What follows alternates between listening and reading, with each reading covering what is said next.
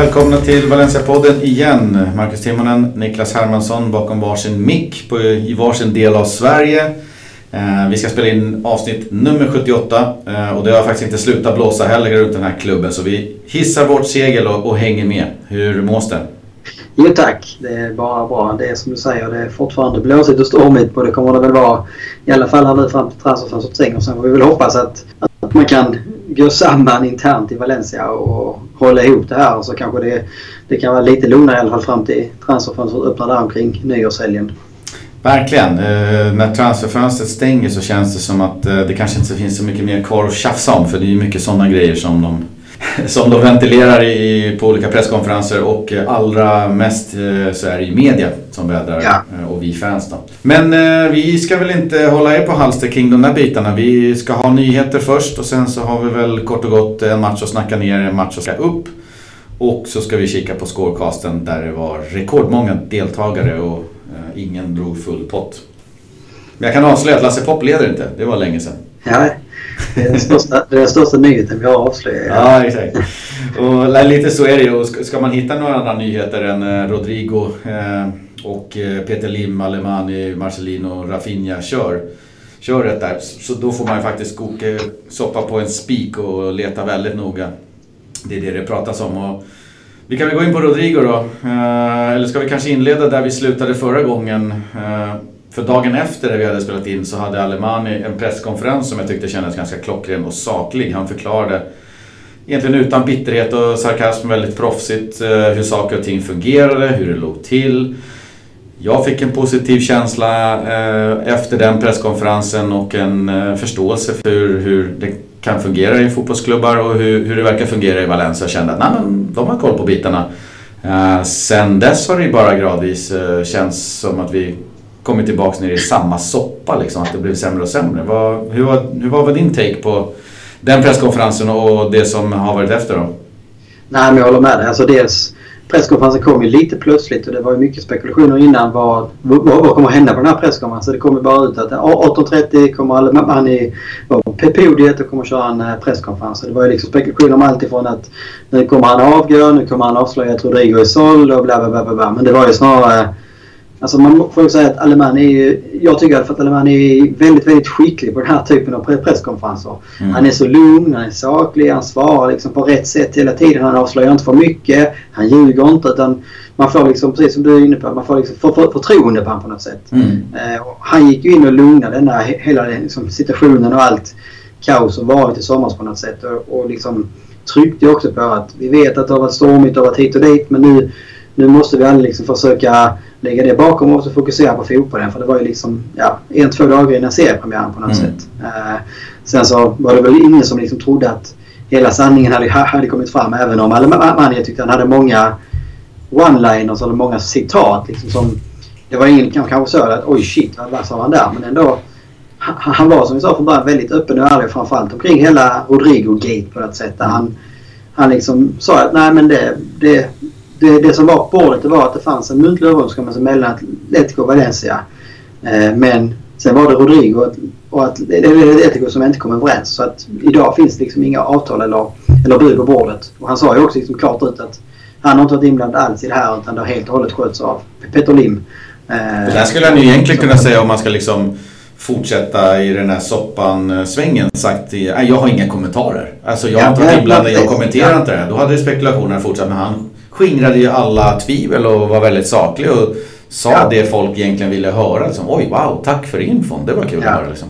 Ja, nej, han var ju också liksom flera gånger som man tryckte på att han liksom kunde förstå Lims liksom intentioner och han tänker och eh, han sa ju också li- li- liksom att eh, han hade känt under sommaren att Peter Lim, eller under förra året egentligen, att Lim hade liksom mer och mer velat involvera sig. Men han sa ju också att jag tycker inte att Peter Lim behöver förklara för mig varför han vill vara mer involverad. Han är huvudägaren och Mm. han liksom det är inget konstigt med det egentligen. Eh, och han vill ju mer att men, mitt jobb här handlar liksom om att göra fansen stolta över sin klubb och, och hans liksom ultimata mål eller hur man ska uttrycka det, det, det sa han själv också. Det är liksom att få uppleva fler kvällar och nätter likt den här vi hade i Sevilla i våras. För det är de liksom, minnena som han sen tar med sig på något sätt.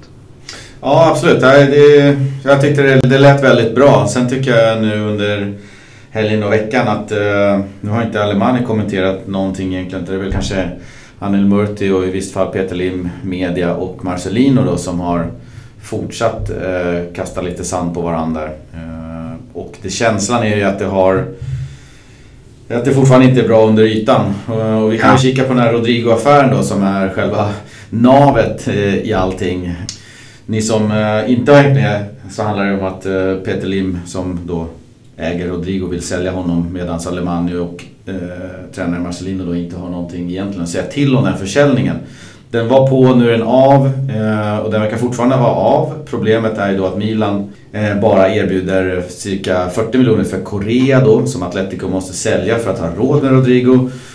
Eh, och det gör ju då att Rodrigo till Atletico eller Rodrigo till Atletico Madrid, eh, Correa till Milan och Andrés Silva, ja någonstans. Eh, hela den affären står ju stilla och väntar på att alla hinner placera runt sina pjäser då. Ja. Nej, det är väl också hela den här alltså, cirkusen som inte känns riktigt värdig på något sätt. Alltså, vi har ju varit med om förr att, att Valencia har tvingats eller valt att sälja liksom storstjärnor. Vi hade en Via till Barca och vi har tappat liksom Silva och Mata och Mendieta tidigare. Så det är ju, alltså Valencia-fansen är ju liksom vana vid att ibland så blir det så här. Eh, men det, jag, jag, jag känner mig att det är inte riktigt värdigt att vi ska gå och vänta på att någon annan klubb ska behöva sälja någon och då väntas tredje, tredje hand liksom på att den tredje klubben ska sälja sitt och då kanske Valencia eh, ska sälja sin stjärna. Att Valencia som ska leva i den här ovissheten. Utan nu ska Valencia ta mer betalt där, så menar, desto Precis. längre tiden går. Så nej, men det är inte 60 miljoner längre, det är 65. Nej, för ja, vi måste agera på kortare tid. Det är det jag menar. Valencia borde liksom ha uppnått en position i hela näringskedjan som gör att man skulle kunna vara betydligt starkare i den här typen av förhandlingarna. Men hela den här affären är ju så himla speciell eftersom det då är inte Valencia i sig som förhandlar utan det är Peter Lim och han sägs ju då liksom känna att det är dags för honom att casha in på Rodrigo. Att det kanske är sista chansen att att liksom kunna få till en större försäljning för Rodrigo. Och samtidigt så är det också lite kul för det har också kommit ut uppgifter om att en annan del av det är att Peter Lim också vill liksom boosta Kangelis chanser i, mm. i Valencias spel på något sätt eller i, i, i, truppen. Och det var ju precis det som vi var inne på som alternativa scenario förra poddavsnittet. Ja exakt och det handlar ju om att han eh, vill sälja Rodrigo så får vi inte in någon ersättare. Då skickar man upp Gedes istället på, som en anfallare och då dyker det mm. upp en lucka på vänsterkanten där Kangelin gärna kan husera då, i konkurrens med Cheryshev. Precis. Uh, så det är också en pusselbit det här och jag tycker det märkliga är lite grann eller det märkliga, det, det, grejen är att jag tror att det som retar Peter Lim och då kanske Mendes något enormt det är att Valencia har ju sagt nej till den här André Silva. Ja. Hade Valencia då bara böjt sig framåt som man har gjort tidigare med alla Mendes värvningar som har varit katastrofala så hade ju Valencia tagit in den här spelaren och Mendes hade tjänat hiskeliga pengar och allting hade snurrat på. Vi hade fått en kass Silva, Atletico hade fått en bra Rodrigo och så vidare. Så att, äh, det är bra att de ändå står pall och säger nej. Att vi, vi har ingen användning av André Silva i, i Valencia. Vi, sen får ni lösa det här på något sätt. Men ja. vi ska inte ta in honom. Ja. det var väl också det. Det var ett av citaten också från Alemani. Liksom man knyter samman det. Det var ju att det kommer inte komma in en spelare till Valencia som inte jag och Marcelino godkänt. Så där, det blir också ett tydligt statement. Liksom, mm. att vi, Peter Lim, kan bestämma över en del spelare de han har liksom eget ägande i. Men liksom när, när det gäller att spela in i truppen så har vi liksom det, den, den bestämmande rätten. Vi, mm. Peter Lim kan inte köra över oss där. För då, då, då får han... Alltså, mellan raderna förstod man att vill ägaren liksom göra några spelarköp som inte vi står bakom så liksom, ja, då får han i så fall kicka oss. Det var ju det, det, det som liksom blev eh, konsensus eller min, min förståelse av det uttalandet på något sätt. Och det, det, det, det, känns ju ändå tryggt. För man blir ju man blir orolig liksom. Är det här liksom bara ett engångsfall nu? Att det är liksom bara Lim som vill, vill liksom göra någonting med Rodrigo för att han har sitt ägande där? Eller kommer det vara så här att det är Lim som kommer att bäst bestämma alla värvningarna som det var för några år sedan? Men så verkar det förhoppningsvis då inte vara fallet. Nej, på presskonferensen som Alemani höll så kändes det som att de var väldigt överens om att eh, Peter Lim ville ha större inflytande och att han hade då sista eller enda ordet egentligen ja. på affärer på 30 miljoner och över. Eh, ja. när det blir liksom väldigt dignitet under det så, så hintade Alemani om att där har ju han och den sportsliga ledningen fria tyglar egentligen då. Ja. Uh, nej men det var alltså, jag tror oavsett liksom, alltså, för det, det, det han sa var också att nej, men Valencias ekonomiska sits det gör att man är ju beroende av sina ägare och ägartillskott. Uh, och precis som liksom när man köpte Guedes till exempel. Så de här stora besluten, där måste det gå igenom LIM. Alltså, men det är inget konstigt i sig. Nej, men samtidigt hade ju inte Lim kunnat köpa Guedes som inte Alemani och Marcelino godkänt honom. Så där, mm. När det blir de här stora köpen så är det liksom ömsesidigt. Mm. Uh, och det sa han också. Nej, men det är inga förändringar där. Och han sa, han sa också att hade jag liksom känt mig underminerad så hade jag inte suttit här mer idag. Uh, så att det känns ju ändå som att han har fått garantier på något sätt på att han, han, han har kvar sitt mandat eller veto att bestämma liksom. Och, eh, sen att han inte kan bestämma helt och hållet när det kommer stora belopp. Det är heller inget konstigt och så tror jag det är många klubbar. Ja. Det som stör mig eh, i den här soppan eh, är ju det som säkerligen också stör Marcelino allra mest och det är att Peter Lim är ju redo då att vänta till och med till fönstrets sista dag för att sälja Rodrigo om så krävs. Eh, vad det verkar då. Ja. Idag finns det ju lösa uppgifter på Twitter om att Milan och Atleti då ska ha kommit väldigt, väldigt nära varandra nu om man skiljer Korea som är en pusselbit här. Och att prislappen på 40 miljoner ska vara på bordet eh, och man har höjt vidareförsäljningsklausulen till 25-30%. Eh, låter det vara osagt om det stämmer men eh, det finns information på Twitter om det. Och då är ju en Rodrigo-försäljning ganska nära. Kollar man på Rodrigo själv hur han agerar så på de filmer som finns. Han stannar ju och skriver autografer och så men han säger ju inte ett ord och ser ju rätt så ledsen ut. Och jag tror att han försvinner. Ja, men det har ju varit alltså, lite tycker man har kunnat läsa lite olika uppgifter där. För det, alltså, det som också verkar ha varit helt sant är ju liksom att Rodrigo packar sin, sina saker. Han tog farväl av liksom en del av lagkamraterna i alla fall och en del av de här liksom i, ja, som jobbar runt laget. Eh, han lämnade in nycklarna till sin Alfa Romeo och körde med sin vanliga bil hem. Mm. Eh, så att det verkar liksom ha varit extremt nära en övergång om man säger så. Eh, och det är frågan liksom vad, vad det gör med med psyket. För det måste ju någonstans i Rodrigos huvud så måste han ju liksom ha ställt sig in på det och sett sig framför sig. Ja men nu är jag där stället. Okej nu, nu får jag liksom börja tänka på det. Eh, och sen svänger det då snabbt. Och det får man ändå säga liksom att han gör ju ändå en bra premiär med tanke på de mm. liksom ja, förberedelserna som han hade på något sätt. Och det jag pratar om egentligen det var att han rullade ut med sin, ja jag tror att det var en Porsche. Eh, mm. Var det idag eller igår? Ja, ja, just det. Och väldigt, väldigt få ord så tänkte jag att det här är ingen alfa. eh, väldigt, väldigt bister uppsyn och fåordig och folk säger så här stick inte till Madrid och stanna hos oss, kom igen Rodrigo. Och så sticker han bara. Eh, rapporter från träningar och i och runt Paternan skvallrar ju om en eh, stolstråle till Rodrigo som skojar och stollar, ger järnet och är otroligt positiv och sådär. Så att det är nog det mediadelen som är lite deppig, det är den jag pratar om. Ja, nej, men det känns så spontant så tror jag Rodrigo kan ha sagt liksom att eh, han, alltså jag, jag tror inte liksom att han har begärt eller liksom väldigt gärna vill bort. Men han kan inte heller ha sagt att han liksom inte, absolut inte vill bort. Jag tror att han är passagerare.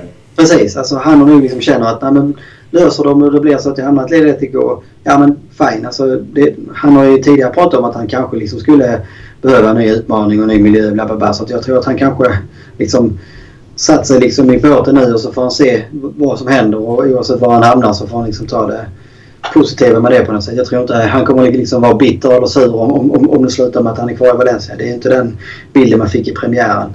Ja, konsensus verkar ju råda över att uh, Rodrigo och Atletico är överens, Valencia eller Peter Lim och Atletico är överens. Allting mellan Rodrigo till Atletico, allting i den dealen, det är redan överenskommet, känns det som.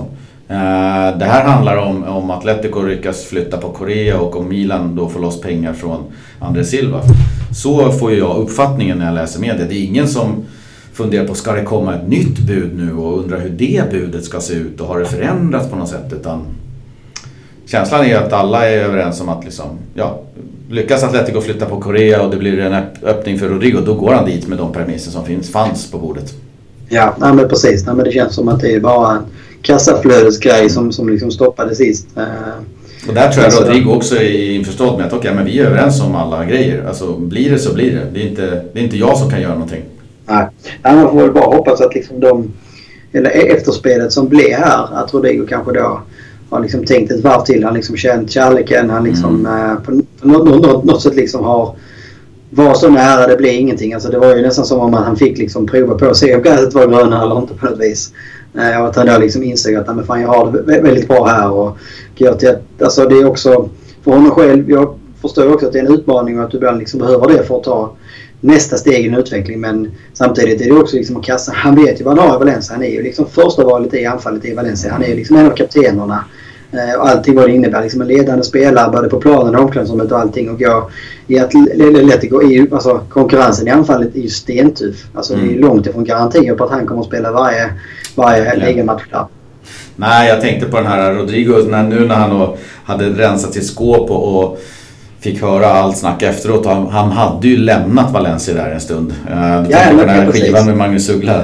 Vad ska du ta livet av när du ändå inte får höra snacket efteråt? Och i det här så, vad ska du lämna för? Uh, om du liksom ändå inte får höra snacket efteråt. Nu, fick, nu lämnade han ju inte, men han fick ändå höra snacket efteråt och veta hur folket reagerade på något sätt. Så att han vet ju att han, han är älskad i Valencia. Han fick ett varmt mottagande på Mestalla med jubel och sådär. Så att nu vet han ju att fansen inte vill bli av med honom, att man vill behålla honom eh, till alla medel. Då.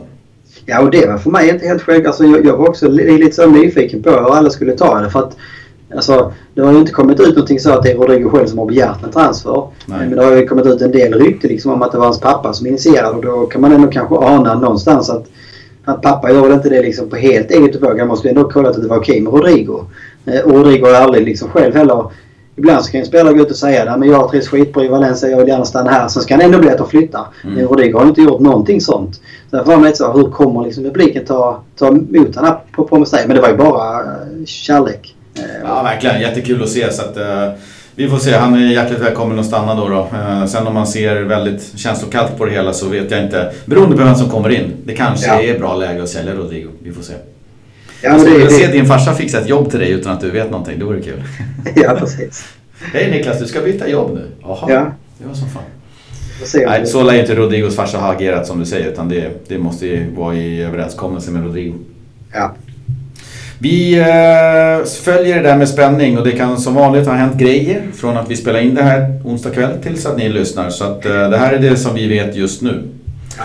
Vi går vidare till eh, Rafinha. Där har vi också då fortfarande öppet då, men det är en jäkligt klurig affär. Spelaren har som bekant varit skadad i, ja är det 3-4 år.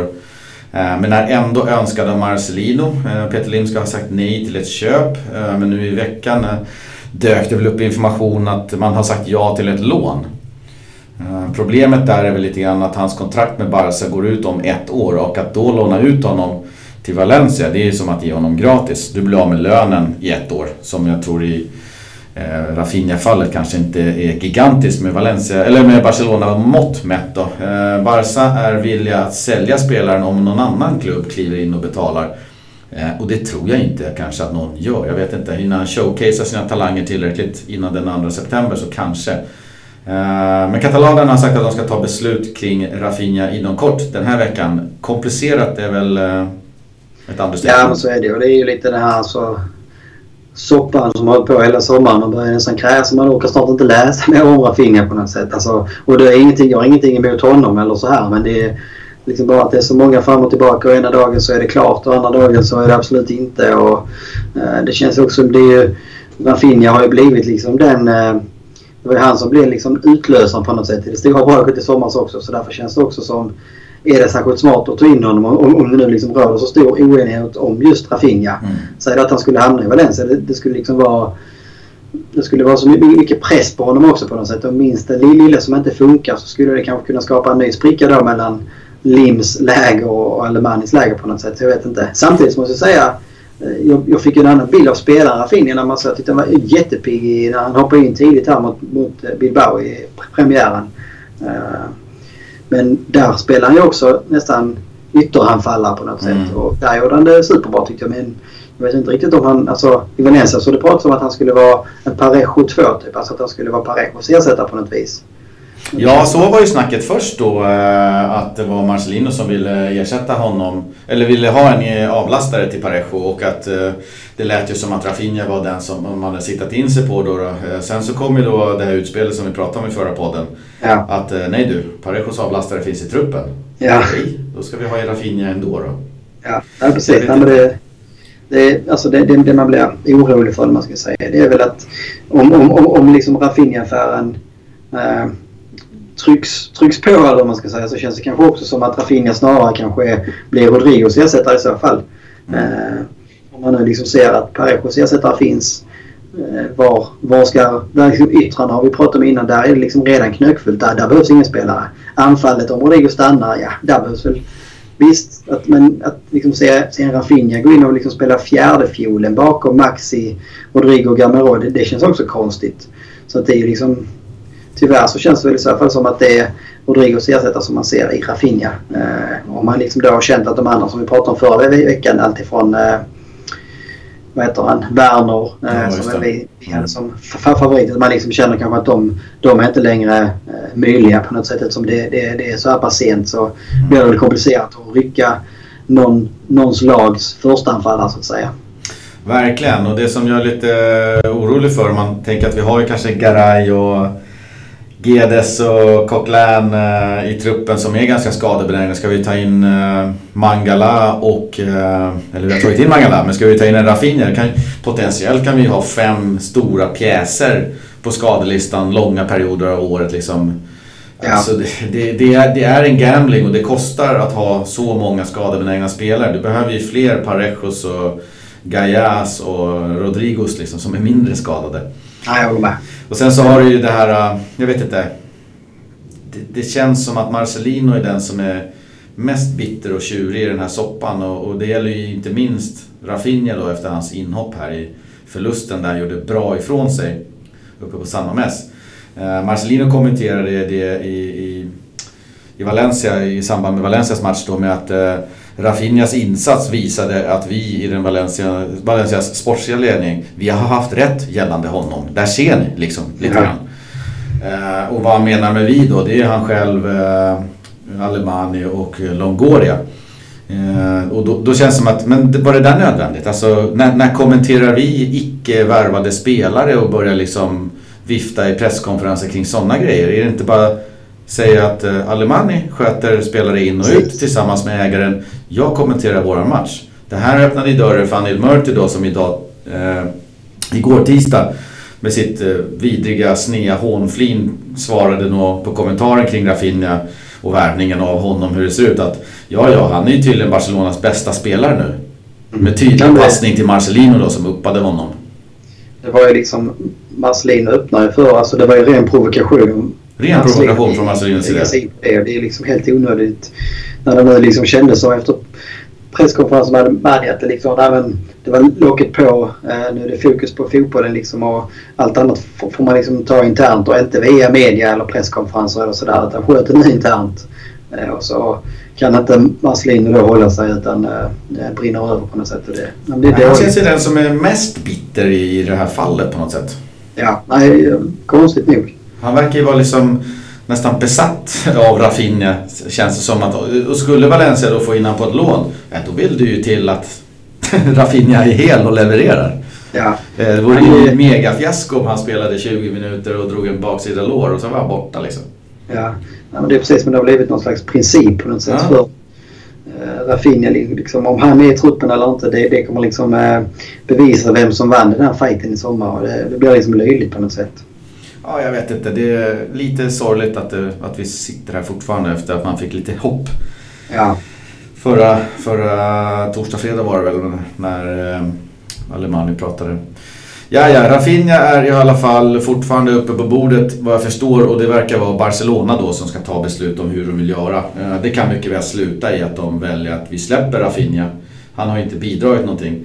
Eh, Men i och med Dembélés skada och Suarez skada eh, och Messi skada lite grann så kan det ju betyda att man vill behålla en offensiv pjäs. Det kan ju vara värt lite pengar för dem att ha kvar honom. Så att eh, det där är helt upp i luften vad som händer. ja nej, det känns som det kan gå hur som helst. Valencia verkar i alla fall inte vara öppna för att betala för ett köp utan ett lån då i sådana fall och sen får man teckna han efter det. Då. Ja, Då så, det var de två stora nyheterna och, och vi har ju faktiskt kokat lite soppa på en spik. Jag tänkte redovisa vilken soppa det blev här nu då. ja, Tunn soppa ska sägas. Eh, nej, jag har kikat lite grann på eh, de, några av de utlånade spelarna eh, den här säsongen. Eh, och vi har ju väldigt tidigt fortfarande, det är bara ett par tre matcher som har gått så vi ska inte dra allt för stora växlar. Men Tony Lato täljer ju inte guld borta i Holland i PSV. Han har på tre ligamatcher och två Europa League kvalmatcher spelat eh, noll minuter på vänsterbacken och han har varit med i truppen två gånger av eh, fem då, då. Det är ju ingen höjdare så att han är ju mer han är närmare att åka ur truppen verkar det som än att få kliva in på planen. Eh, klart obra. Han flyttade ju ett pack eller två ner till holländska ligan för att få speltid och utvecklas. Tanken är väl inte att han ska sitta på en bänk och ruttna i Holland.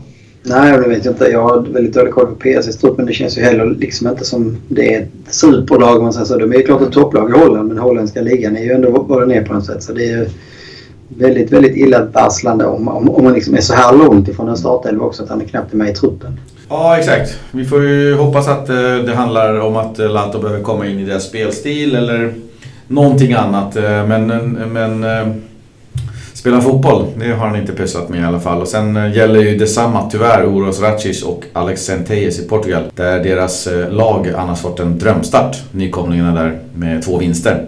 Men de har inte heller spelat någonting. Oros har ju kommit in väldigt nu på slutet medan Centelles kom in i somras. Förhoppningen är att de också ska få speltid löpande och kontinuerligt i Portugal och inte sitta på bänken. Nej, det är ju därför man lånar ut dem om man säger så. Annars skulle man ju lika gärna varit kvar i Valencia och spelat i Messiah-laget på något sätt. Men tanken är ju liksom att både de, alla de här tre är ju också yngre spelare som behöver bygga på sig erfarenhet av att spela vecka efter vecka liksom och inte vara ut och in.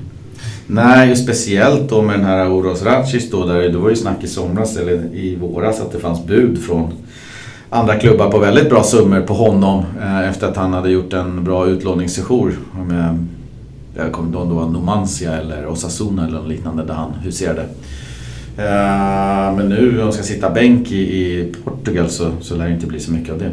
Nej. Vi är fortfarande, Centelles och Oros är väldigt unga fortfarande. Så vi hoppas att det finns en ljus framtid för alla dem. Lato, Oros och uh, Centelles. Ja, när säsongen är lång så förhoppningsvis så kan de kriga sig in i, i startelvorna. Ja, verkligen. Eh, vi kan väl avsluta med en, en eh, vad heter det, vi uppar Skandinavia. Blänkare. Ja. en liten blänkare. Eh, ingen nyhet i sig. Men eh, det eh, är ju bra läge för att förnya sina medlemskap. För ja. är det ynka 10 euro. Precis. Eller kliva med i Skandinavia om man inte redan är med. Det finns ju massa roliga grejer på gång.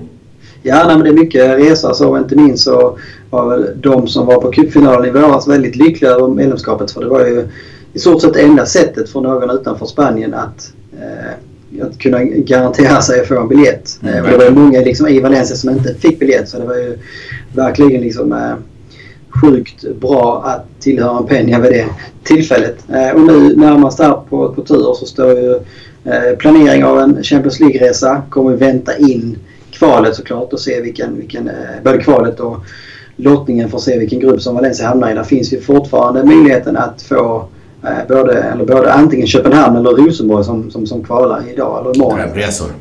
Ja, alltså Köpenhamn hade ju varit... Eh, du cyklar väl till Köpenhamn? Ja, faktiskt. På en halvtimme eller något? ja.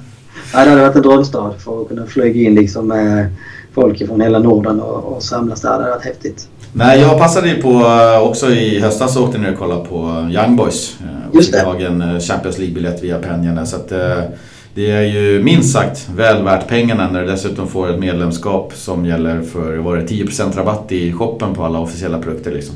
Ja, ja nej, men det... Så köper du matchtröja så är du hemma liksom. En ynka peng precis som du säger och så kan man framförallt i de här lite tuffare, större matcherna så att säga så, så kan de ju hjälpa till med biljettköp. När det är lite mindre vanlig ligamatch så går det ofta lika enkelt att själv eh, klicka hem det på hemsidan. Men just CL och, och lite de här toppmatcherna eller är cupfinaler eller annat sånt där så är det väldigt, väldigt bra att, gå via Penja faktiskt. Verkligen. Eh, gå in på googla Chess Scandinavia så hittar ni hem till deras hemsida så är det en enkelt formulär där man går in och anmäler sig och betalar så så, så kommer ni få god, stor nytta av det där säkert. Man vet aldrig vart den här säsongen tar vägen. Nej, precis. Då så, vi jinglar på lite grann och så kikar vi på lite matcher. Yes. Valencia Real Sociedad. Premiären säsongen 2019-2020. En ganska väntad start 11 på planen då efter att Gaia och Parejo till slut blev avstängda. Eh, jag är lite osäker om de var det men Valencia Eh, kunde inte chansa att ställa dem på planen och, och åka på några reprimander. Det var väl någon typ av grej att fotbollsförbundet hade semesterstängt eller någonting. Eller den instansen som skulle ta beslutet hade semesterstängt och kunde inte behandla ärendet. Så Nej, det var helt sjukt. helt typiskt. Det är typiskt ja precis. Så därför fick de uh, kliva av då. Uh, så det var en ganska väntad elva där. Gamero satte 1-0, fin pass från Vass, men han missade ju sen straffen i 95 som skulle visa sig kostsam. Real Sociedad öste då på i en tilltrasslad situation då så blev det straff och krysset var ett faktum och det var ju déjà vu för alla Valencia-supportrar från förra året. Och är, är det här vi är igen? Vad, vad tycker du om matchen? Jag skulle säga, din sista mening där var precis så som jag tror många kände och jag likaså. Liksom. Alltså det var ju också det som jag satt och tänkte och sa till min pappa som är sönder med. Alltså bara det inte blir 1 här alltså rent psykologiskt så är det sämsta som kan hända det är att nästan bättre de förlorar. För att mm. få 1 här nu, det kommer liksom bli så mycket snack i media. Det kommer liksom sätta sig huvudet på spelarna och träna igen. Det kommer liksom bli samma snurra som snurrar igen. Och mycket väl så blev det ju 1 och det kändes Ja, precis som så många gånger i fjol så kändes det bara så sjukt onödigt på något sätt. Både liksom att man inte kan hålla upp det bakåt men också att man inte tar chanserna att stänga en match framåt. Verkligen. Uh, kollar man på statistiken så hade Real Sociedad mycket boll. 60-40 innehav. Det var väl lite övervikt för Valencia både på avslut och avslut på mål. Uh, det som du var inne på såg jag på Twitter uh, och det som jag kunde se också med blotta ögat var att Valencia släppte ju inte till Real Sociedad till några chanser nästan överhuvudtaget. Eh, enligt eh, expected goals så släppte de till chanser värda 0,5 eh, utöver eh, straffen. Eh, med straffen så släppte de till ungefär 1,3 tror jag det var. Eh, så att de släppte till väldigt lite målchanser medan man själv skapade eh, gott nog för att göra en och en halv, två mål enligt expected. Så att det där är ju... Alltså, ja, straffen ska ju sitta och 2-0 ska vara på banken. Så är det ju bara. Eh, dessutom hade Valencia lite andra chanser. Men solid defensiv såg jag att du skrev lite grann på Twitter och det var kul att se. Ja, nej, men det tyckte jag. Alltså det, utöver liksom straffen och frisparken så blir det inte mycket chanser bakåt. Det, känns liksom, det, känns, det kändes stabilt som det gjorde i fjol. Alltså det, det känns inte så liksom oroligt att, att, att inte Valencia har mycket, mycket boll. Och det blir ju också naturligt kanske när Parejo inte är med. Att, att Valencia blir ännu mer liksom ligga, ligga tryggt och stabilt och vara, vara ett kontringslag på något sätt. För det har inte med den här som kan lugna spelet och liksom hålla i den och pausa ett tag. Utan det blir ett, ett klassiskt Valencia kontringslag på ett annat sätt. Men det, det, det kändes alltså framförallt när man då får 1-0 också. Då kändes det liksom som matchplan som absolut skulle kunna hålla.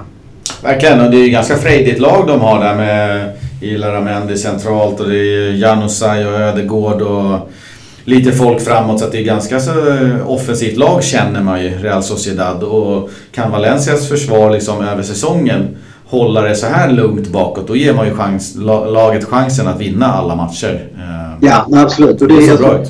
Ja, men det är alltså att man byggt vidare på det som man liksom såg redan i fjol också. Att det, man har alltid större chans och möjlighet att vinna en match om man bara släpper in noll eller ett mål per match. Eh, problemet i fjol var ju liksom att man gjorde för lite mål framåt. Mm. Det var väldigt sällan som det liksom klappade ihop bakåt. Det var ju liksom enstaka matcher kanske som man kan räkna på en hand och knappt det höll jag på att säga. Eh, så det, det är väl skönt att se ändå. Och det är väl några positiva grejer som man ändå kan ta med sig även om det kändes... Alltså det blir ju också när, när målet och kvitteringen kommer som det gör liksom i hundrade minuten kommer 1-1 målet. Alltså det känns ju, ja. Det är sjukt. Bittert. ja verkligen. Avsaknaden av Parejo tyckte jag var ganska stor. Eh, allra värst egentligen tyckte jag i början.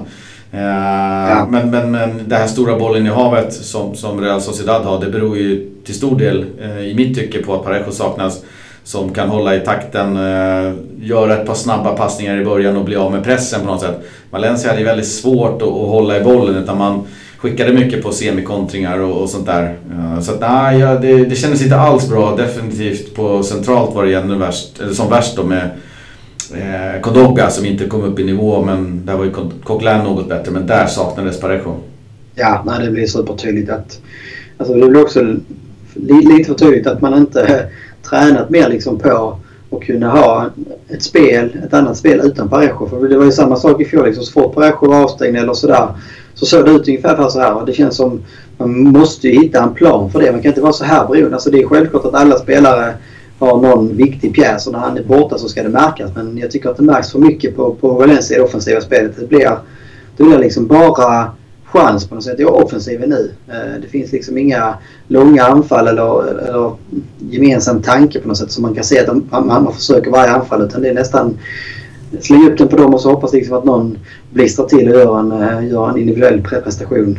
Ja, med tanke på det vi ställer på planen. Det är Gamero och Rodrigo framåt, det är Guedes på en kant, det är Soler på en annan, det är Kondogbia och Coquelin liksom centralt. Det är ju superbra spelare allihopa. det är ju ett slagkraftigt lag, men, men vi får inte riktigt till det. Edgen saknas lite grann när Parejo inte är där. Ja, nej, jag håller med.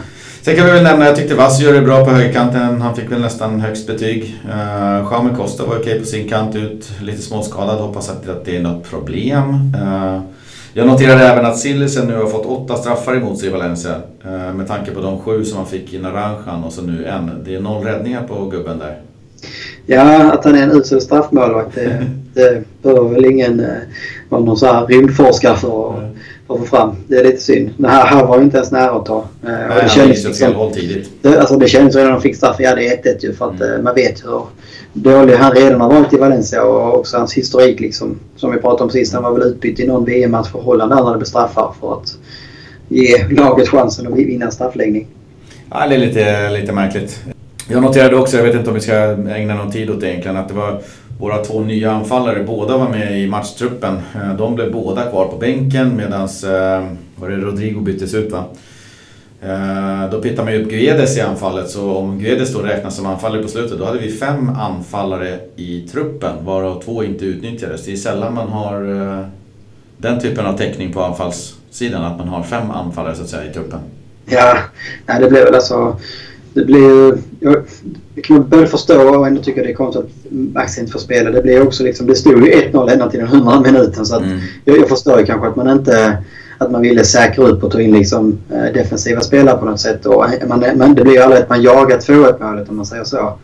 Äh, men samtidigt kunde man också känna att Maxi kanske kunde vara, istället för bara ha kontringsspelare, så kunde det kanske vara bra att ha en Maxi på topp som du, du kan slå upp och hålla i den lite grann offensivt på något sätt. Så man, man får vila och andas och komma upp med laget. Nu blev det liksom eh, lång boll upp och så var det lite chansning på att man, eh, de två, tre som liksom var med i anfallet skulle kunna göra något bra i en kontring. Och det blev lite för chansartat på något vis.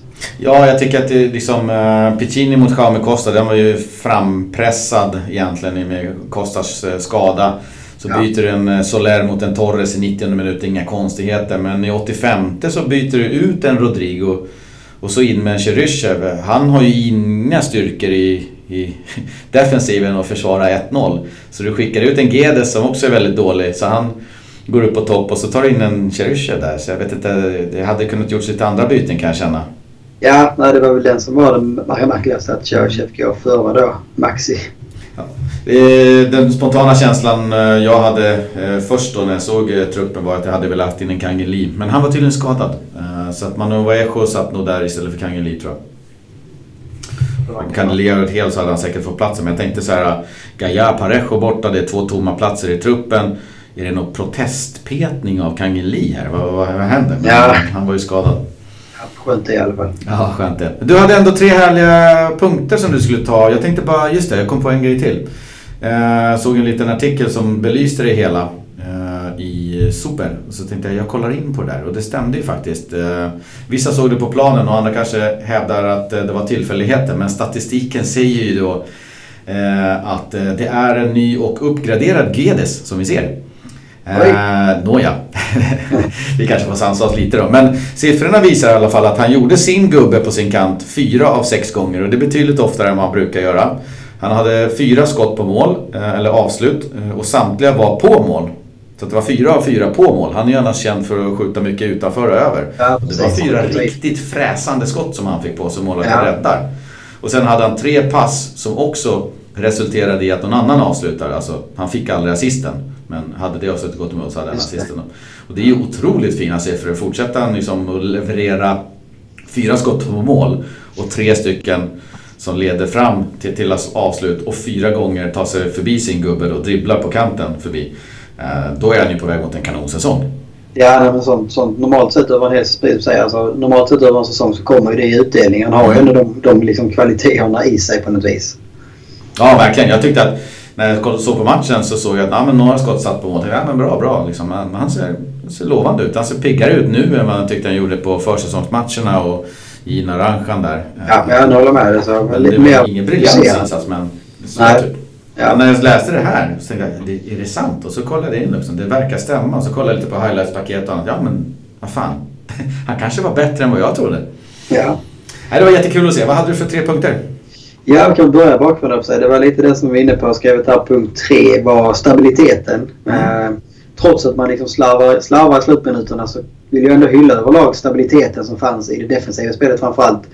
Real, Real har ju en spännande offensiv och man hade ju mer boll än Valencia. Men på något sätt så kändes det ändå som att Valencia tillät det och man blev liksom aldrig särskilt farliga. Man tvingade dem till någon slags inläggsspel och där, där liksom kunde Valencia ganska enkelt eh, nicka undan och vinna de duellerna. Så försvarsspelet överlag tycker jag är en positiv sak som vi, vi tar med oss framåt. Verkligen. Det enda som jag kan komma att dra mig till minnes är ganska tidigt i matchen så skjuter de ett eh, relativt ofarligt skott som tar en touch. Där Sillisen hinner lägga sig åt vänster och lyckas rädda med fötterna. Uh, den hade ju kunnat slinka in då med otur. Men i övrigt så kommer jag inte ihåg någon chans att de skulle haft någon så här liksom oj, här var det räddning. Så att, verkligen, jag håller med. Det känns som en stabil defensiv. Ja, no, det kändes ändå som att vi hade liksom en ganska så fridig offensiv. Så att, och det brukar alltid bli någon människa som, som liksom släpper till något halvfriläge eller något liksom skottläge eller någonting. Men det kändes väldigt liksom tryggt. Och det är klart, det spelar väl också roll att du både har Kondogbia och Coquelin liksom två defensiva inomhittfältsblock mm. som, som liksom stänger allt där och att man tvingar ut dem på kanterna. Och där, där var de ju betydligt ofarligare. Verkligen. Punkt nummer två då? Punkt två skrev jag uh, same same but different. Uh, den här svårigheten med att stänga matcher såväl defensivt som offensivt visar sig återigen. Vi har 1-0 och två gyllene läge att göra 2-0 och stänga detta men misslyckas. Och då tänker jag såklart på, på Gameros straff och även på Rodrigos öppna mål där när målvakten är ute och liksom är helt på mellis. Men det känns...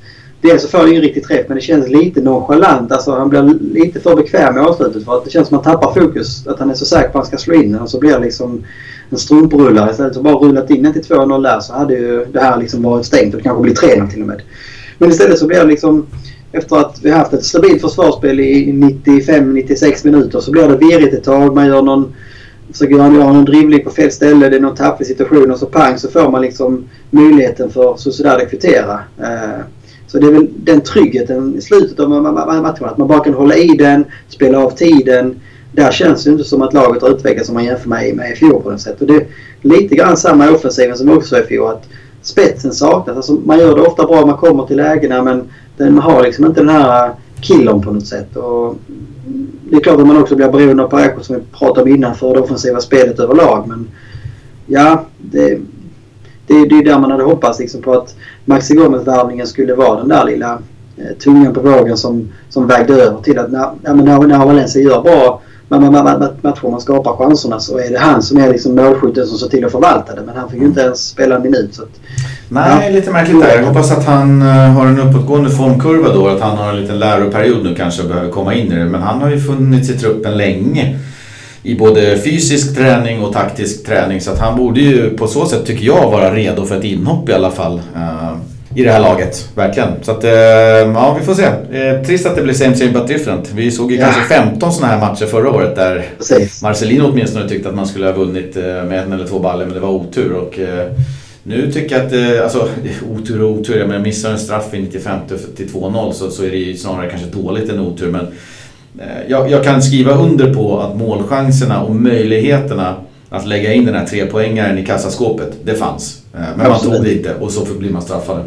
Ja, nej, men det är just den lilla beslutsamheten och sista procenten liksom att dunka dit straffen och rulla in det här öppna målet. Ja men då har du 3-0 istället och så är det liksom ingen som ens hade pratat om den här matchen på något annat sätt liksom än en hyllningskör. Att det var en perfekt premiär hit och dit och utan liksom att spelet det var liksom ingen klang och jubelföreställning men det var Valencia gör en tillräckligt bra match för att vinna det här. Eh, men då några minuters slarv och några liksom obeslutsamheter i, i de avgörande lägena offensivt så pang så blir det 1-1 och två tappade poäng får man ändå säga. Ja, verkligen trist. Eh, sen gillar jag att du har eh, sjukt skarpa briller på dig på punkt nummer ett. Ja, punkt nummer ett är faktiskt att man åker på en felaktig straff. Och det är ju kanske många som höjer öronen nu jag säga och tänker vad fan det var väl en, en, en tydlig hands på Coquelin. Det är väl inte att snacka om. Och det är inga konspirationsteorier. Utan det handlar egentligen om att det är lite nya regler som vi ska ta hänsyn till. Så Hansen är hans? Hansen är hans, det är det ska vara säga. frisparken som Isak får som föranleder Hansen, det är ju heller inte något att säga om. Men det, det är liksom som i själva straffsituationen, det, det som borde blåsa av sig det är att Martin Ödegaard faktiskt står i Valencias mur eller framför muren när frisparken slås. Och det får man inte göra från och med i år. Det är nya regler. Så antingen så skulle domaren liksom se till det här från början att flytta honom innan frisparken slås. Alternativt så ska ju då domaren eller VAR eh, vem som nu liksom upptäcker inte det. Inte minst VAR skulle jag säga. Precis, inte minst VAR. Eh, när frisparken har slagit ska jag gå in och, och liksom, när den här ska gå. Men framförallt kan man ju tycka att VAR ska gå in när det nu blir en straff så tänker man att ja, men det, här, det här vevar väl var liksom straffet. Var det hans? Alltså de ville väl liksom vara 110% säkra på att det var hans. Så de vevar väl denna frisparken fyra, fem gånger. Att man inte då lyckas upptäcka detta. Att, nej, fan han står ju också där. Det är situationen innan Hansen. Så den ska ju liksom gå före i det här beslutet. Och den nya regeln är ju att man måste stå minst en meter ifrån muren. Du får stå framför, åt sidan och bakom. Men du får inte stå och trängas med muren nej, så att säga. Exakt, du måste ja. stå en meter från närmsta spelare. Och ja, det gör ju inte Ödegård och det är såklart. Ja, men det, det är liksom supertydligt. Det är liksom inte så att domaren ser det men bedömer att han är långt ifrån. Utan det, det är liksom bara att de bommar det helt. Ja. Och det är skittråkigt. Alltså, sånt är alltid tråkigt när det händer men det är ännu tråkigare när det händer i den hundrade minuten och innebär två tappade poäng. Ja, verkligen. Eh, och det kan jag tycka att jag menar, var någonstans, ehm, det här måste komma upp till bordet och så måste de kolla varje frispark. Är det någon spelare en meter ifrån? Ja. Eller håller de avståndet? Det måste vara en grej de kollar på varje frispark från dem nu. Så att jag hoppas väl kanske för andra laget de har lärt sig dem. Ja, men jag tycker alltså det är ännu mer, alltså hade frisparken gått rakt in, eh, ja då kanske de också hade vevat till var. Men alltså när det nu blir en straff så tycker jag liksom att det är ytterligare en nivå av uselhet att man inte upptäcker det. För att alla straffar ska ju liksom granskas i VAR. Alltså att de, de också dubbelkollar det och domaren får liksom örat att nej men du gjorde rätt beslut. Vi ser det på prisen att den är tydlig. Alltså, så man, då har man ju vevat skottet och frisparken och då, alltså att man då missar det. Det är liksom Ja, hade frisparken gått direkt i mål så kollar ju VAR på matchen precis som de kollar på alla situationer. Eh, men nu när det blir straff då blir det en, eh, ett domslut som tas på plats. och den ska de automatiskt kolla och veva till förbannelse för att säkerställa att den är rätt. Och de, de måste ju bara ha missat det här. Ja, nej, men det är en riktig skitstart att öka på det. Mm. sen så, för jag tänkte på det när jag såg det att fan var, inte det, var det inte så att den regeln var ny? Men det, man blir också osäker för det, ingen av spelarna på planen reagerar liksom på Nej. det. Och då har inte VAR heller reagerat på det så blir jag osäker. Men sen så läste jag också om det dagen efter att det var, att, att det var verkligen så att det, det, det borde inte ha blivit straff där. Nej. Eh, vi tar med oss den då från matchen. Lite positivt att vi borde ha vunnit. Ja, precis. eh, och rullar vidare in på Celta de Vigo, Valencia. 21.00 på lördag, Bailados. Valencia åker upp till Galicien för en klurig bortamatch mot Maxi Gomes gamla gäng och Santi Minas nya gäng. Santi är ju dock eh, skadad och missar stora delar av hösten, bland annat den här matchen. Vad har vi för önskade förändringar i startelvan från din sida utöver att Gaia och Parejo kliver in? Coquelin är ju avstängd. Nej precis, Nej, där blir det väl ett enkelt val. Eh, det hade ju jag tror nästan att det hade varit Kondogbia kanske som fått kliva av mm. eh, om, om inte Coquelin var avstängd som jag tyckte han så piggare ut som du också var inne på. Eh, och, och, att Gaia går in på Costa blir också helt naturligt. Annars det jag tycker ska vara intressant att se det är väl högerbacksplatsen. Är det liksom så att Vass är första valet eller tänker mammas Lin att han liksom kommer att rotera här och vill ha igång Piccini också. Eh, och så blir det också klart anfallsmässigt. Maxi Gomes får han liksom chansen nu man kan ju också tycka att han borde vara extra taggad när det är uppe i Celta mot Celta också. Eh, I övrigt så känns det ju liksom inte som att det är så mycket, mycket att göra. Alltså det var ingen som var direkt dålig senast heller om man säger så. Som man vill, vill peta. Eh, och det kändes liksom som sist så ställde man det starkaste laget på planen på något vis. Och det ska man ju kunna göra nu också när man spelar en match i veckan. Så nu finns det både återhämtning och, och inga konstigheter med slitningar. Nej, nej, men den enda positionen som är lite osäker kanske det är väl just högerbacken. Liksom, där mm. Jag kan tänka mig att man kanske inte är helt klar med vem som är för första valet. Och likadant då i anfallet. att där är liksom, De här tre anfallarna som vi har de känns ju just nu liksom att de är på hyfsat samma nivå som Gamero ändå har steppat upp känns det som. Eh, så där blir det också intressant. Där kan jag tänka mig att det kommer bli lite rotationer från Barcelona och liksom testa vilkan, vilka två funkar bäst ihop så att säga. Och att de, de ändå kommer får relativt mycket speltid alla tre olika inhopp och hit och dit. Ja, verkligen. Förutsätter vi då att eh, Rodrigos affär då inte händer någonting så tycker jag att eh, det vore nästan lite så här... Eh, han måste ju ändå tycka att Rodrigo och Gamiro är första valet med den historiken som de har i klubben. Det, det är svårare tror jag att peta Rodrigo och Gamiro.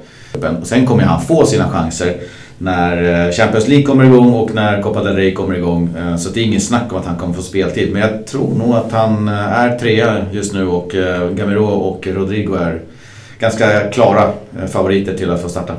Ja, men så är det. Alltså, det är också, blir också det är lite signaler att han inte får en enda minut mot eh, Real Sociedad. Alltså, mm. då, det är ändå ett tecken på att man liksom inte ens... Eh, att han inte tycker att han är redo. Liksom. Annars så borde man ju tycka att det är liksom ett perfekt läge att få presentera sig. Det är hemmapremiär. Eh, släng in honom istället för en Cherche på slutet. Liksom. Eh, så att, nej, det, det känns som startelvan är nog inte aktuellt eh, redan på lördag. Men förhoppningsvis ett inhopp i alla fall. Det är väl det minsta man kan begära att han ska få, få göra ett litet inhopp och visa eller framfötterna någorlunda.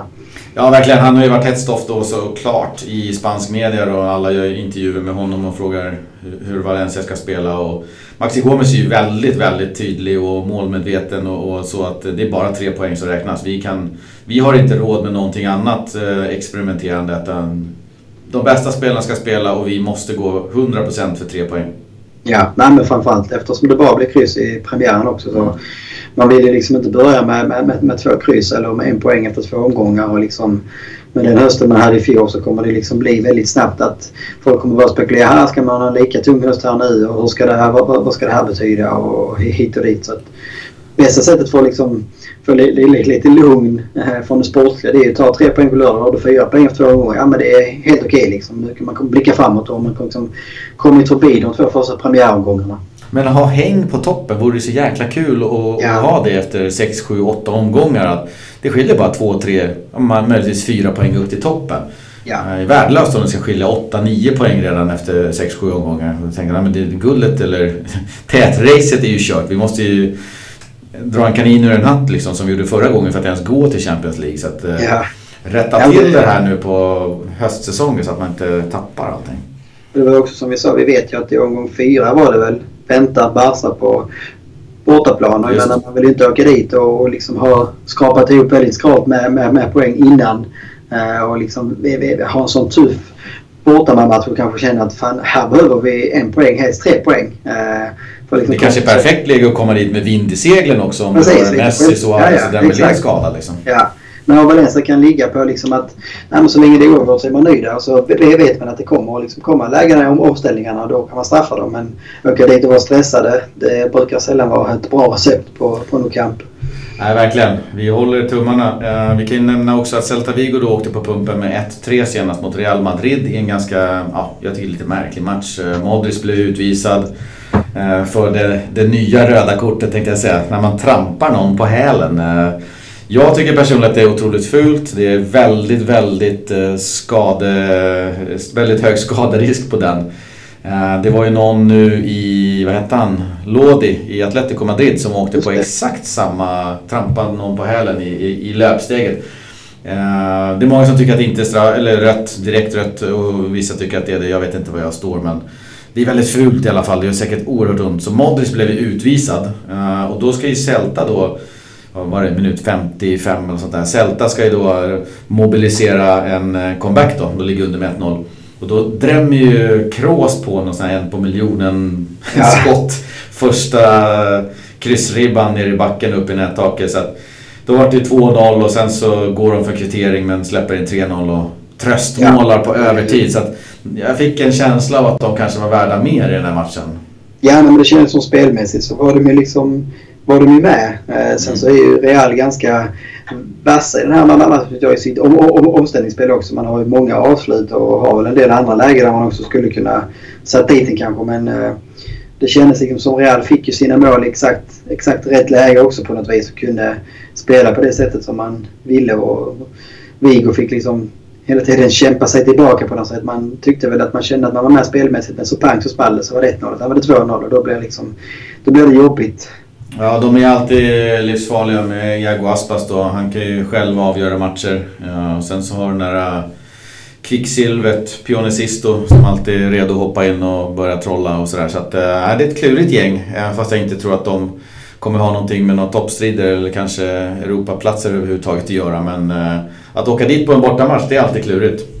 Ja, det, de är ju väldigt bra på hemmaplan och det är där det känns som de tar många av sina poäng och de har ju en spännande offensiv. Även om de nu tappar Gomes och Santimina skada så har de ju som du säger Niago Aspas och då har även en Denis Suarez som liksom var aktuell för Valencia också och som säkert kanske känner lite extra för, för Senka Valencia skulle jag kunna tänka mig. Mm. Vi får verkligen hoppas att uh, Dani Parejos intåg gör ett uh, stor skillnad på planen och att Valencia kan på ett bättre sätt ta tag i taktpinnen, speciellt vad det gäller offensiven. Ja. Får se om det speglar av sig i våra tips på scorecasten då. Väldigt glädjande så var vi uppemot 20 pers som var med. Uh, Victoria klev in i ledningen. Uh, hon var den enda som hajade som kom ihåg höstsäsongen kan man säga. 1-1 tippade hon och när, när, slutresultatet göd så såg jag men vad fan det är ju självklart att det slutade ja. Hur kunde jag inte tänka på det? Så hon har två poäng eh, som enda. Tippare. Ja, det får vi gratulera. Jag vet inte hur många gånger som man, man sa liksom försäsongen att egentligen borde man tippa 1-1. Mm. Eh, så har man liksom säkert två poäng i alla fall. Men eh, man är lite för naiv eller positiv kanske. Ja, precis. Man är glädje önsketänkare liksom. Ja. Nej, så det var många där. Vi hade några. Lasse klev in på en poäng och Jonas, David, Kevin, Jocke Gidlund. Just det. Han klev in på en pinne. Han är med, med från start. Ja, du och jag ligger på nollan tillsammans med en hel drös andra tappra tippare. Ja, det är dags att spräcka den till helgen. Nollan. Ja, vi ger inte upp. Uh, ska jag börja tippa då om du började förra gången? Gör det. Jag tror att... Uh, jag har precis sagt att man skulle lära sig någonting av kryssresultaten. Men nej, jag, jag, tror att Dani Parejos intåg. Jag tror att eh, Rodrigo är kvar och åker med. Gör han inte det så är Maxi Gomes inne. Då är det lönlöst att ha han som målskytt förra gången för min del. Men jag tror att Valencia vinner. Jag tror att de tar en eh, 1-0. 0-1 blir det då. Uh, och jag säger Guedes. Den nya Guedes. Ja, jag på statistiken. Det är helt datadrivet beslut. Mm, precis. Den Guedes i alla fall det.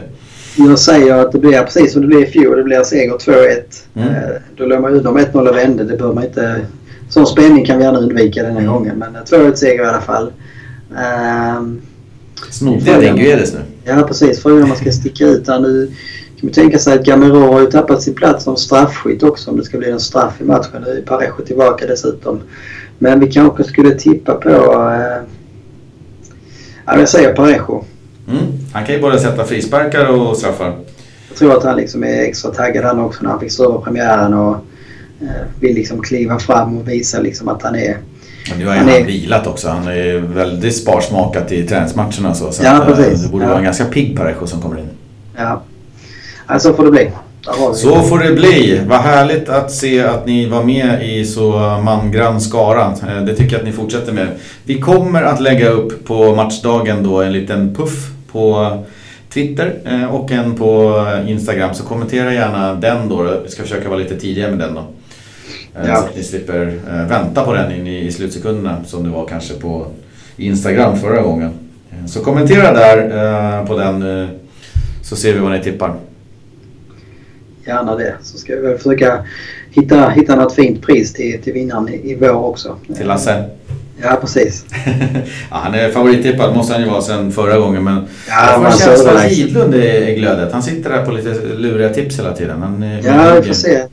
Se den här liksom om eh, hur bebisbubblan eh, påverkar honom. Om man liksom kan komma ur den och komma fram med något bra tips eller uh, tappar lite mark här ett tag nu. Ja exakt. Och jag tror att jag har för mig att Victoria inte alls tippade alla omgångar förra gången. Så att uh, Victoria får väl passa på nu när hon leder att uh, öka ut det där och verkligen vara med varje omgång. Ja, oddsen på henne som slutsegrare har ju sjunkit rejält här sett i ja. senaste dagarna. så är det. Men men, eh, nu blev det väl eh, en timme ungefär tänker jag, eh, gissar jag på. Så avslutar vi väl med ett hasta luego. Hasta luego.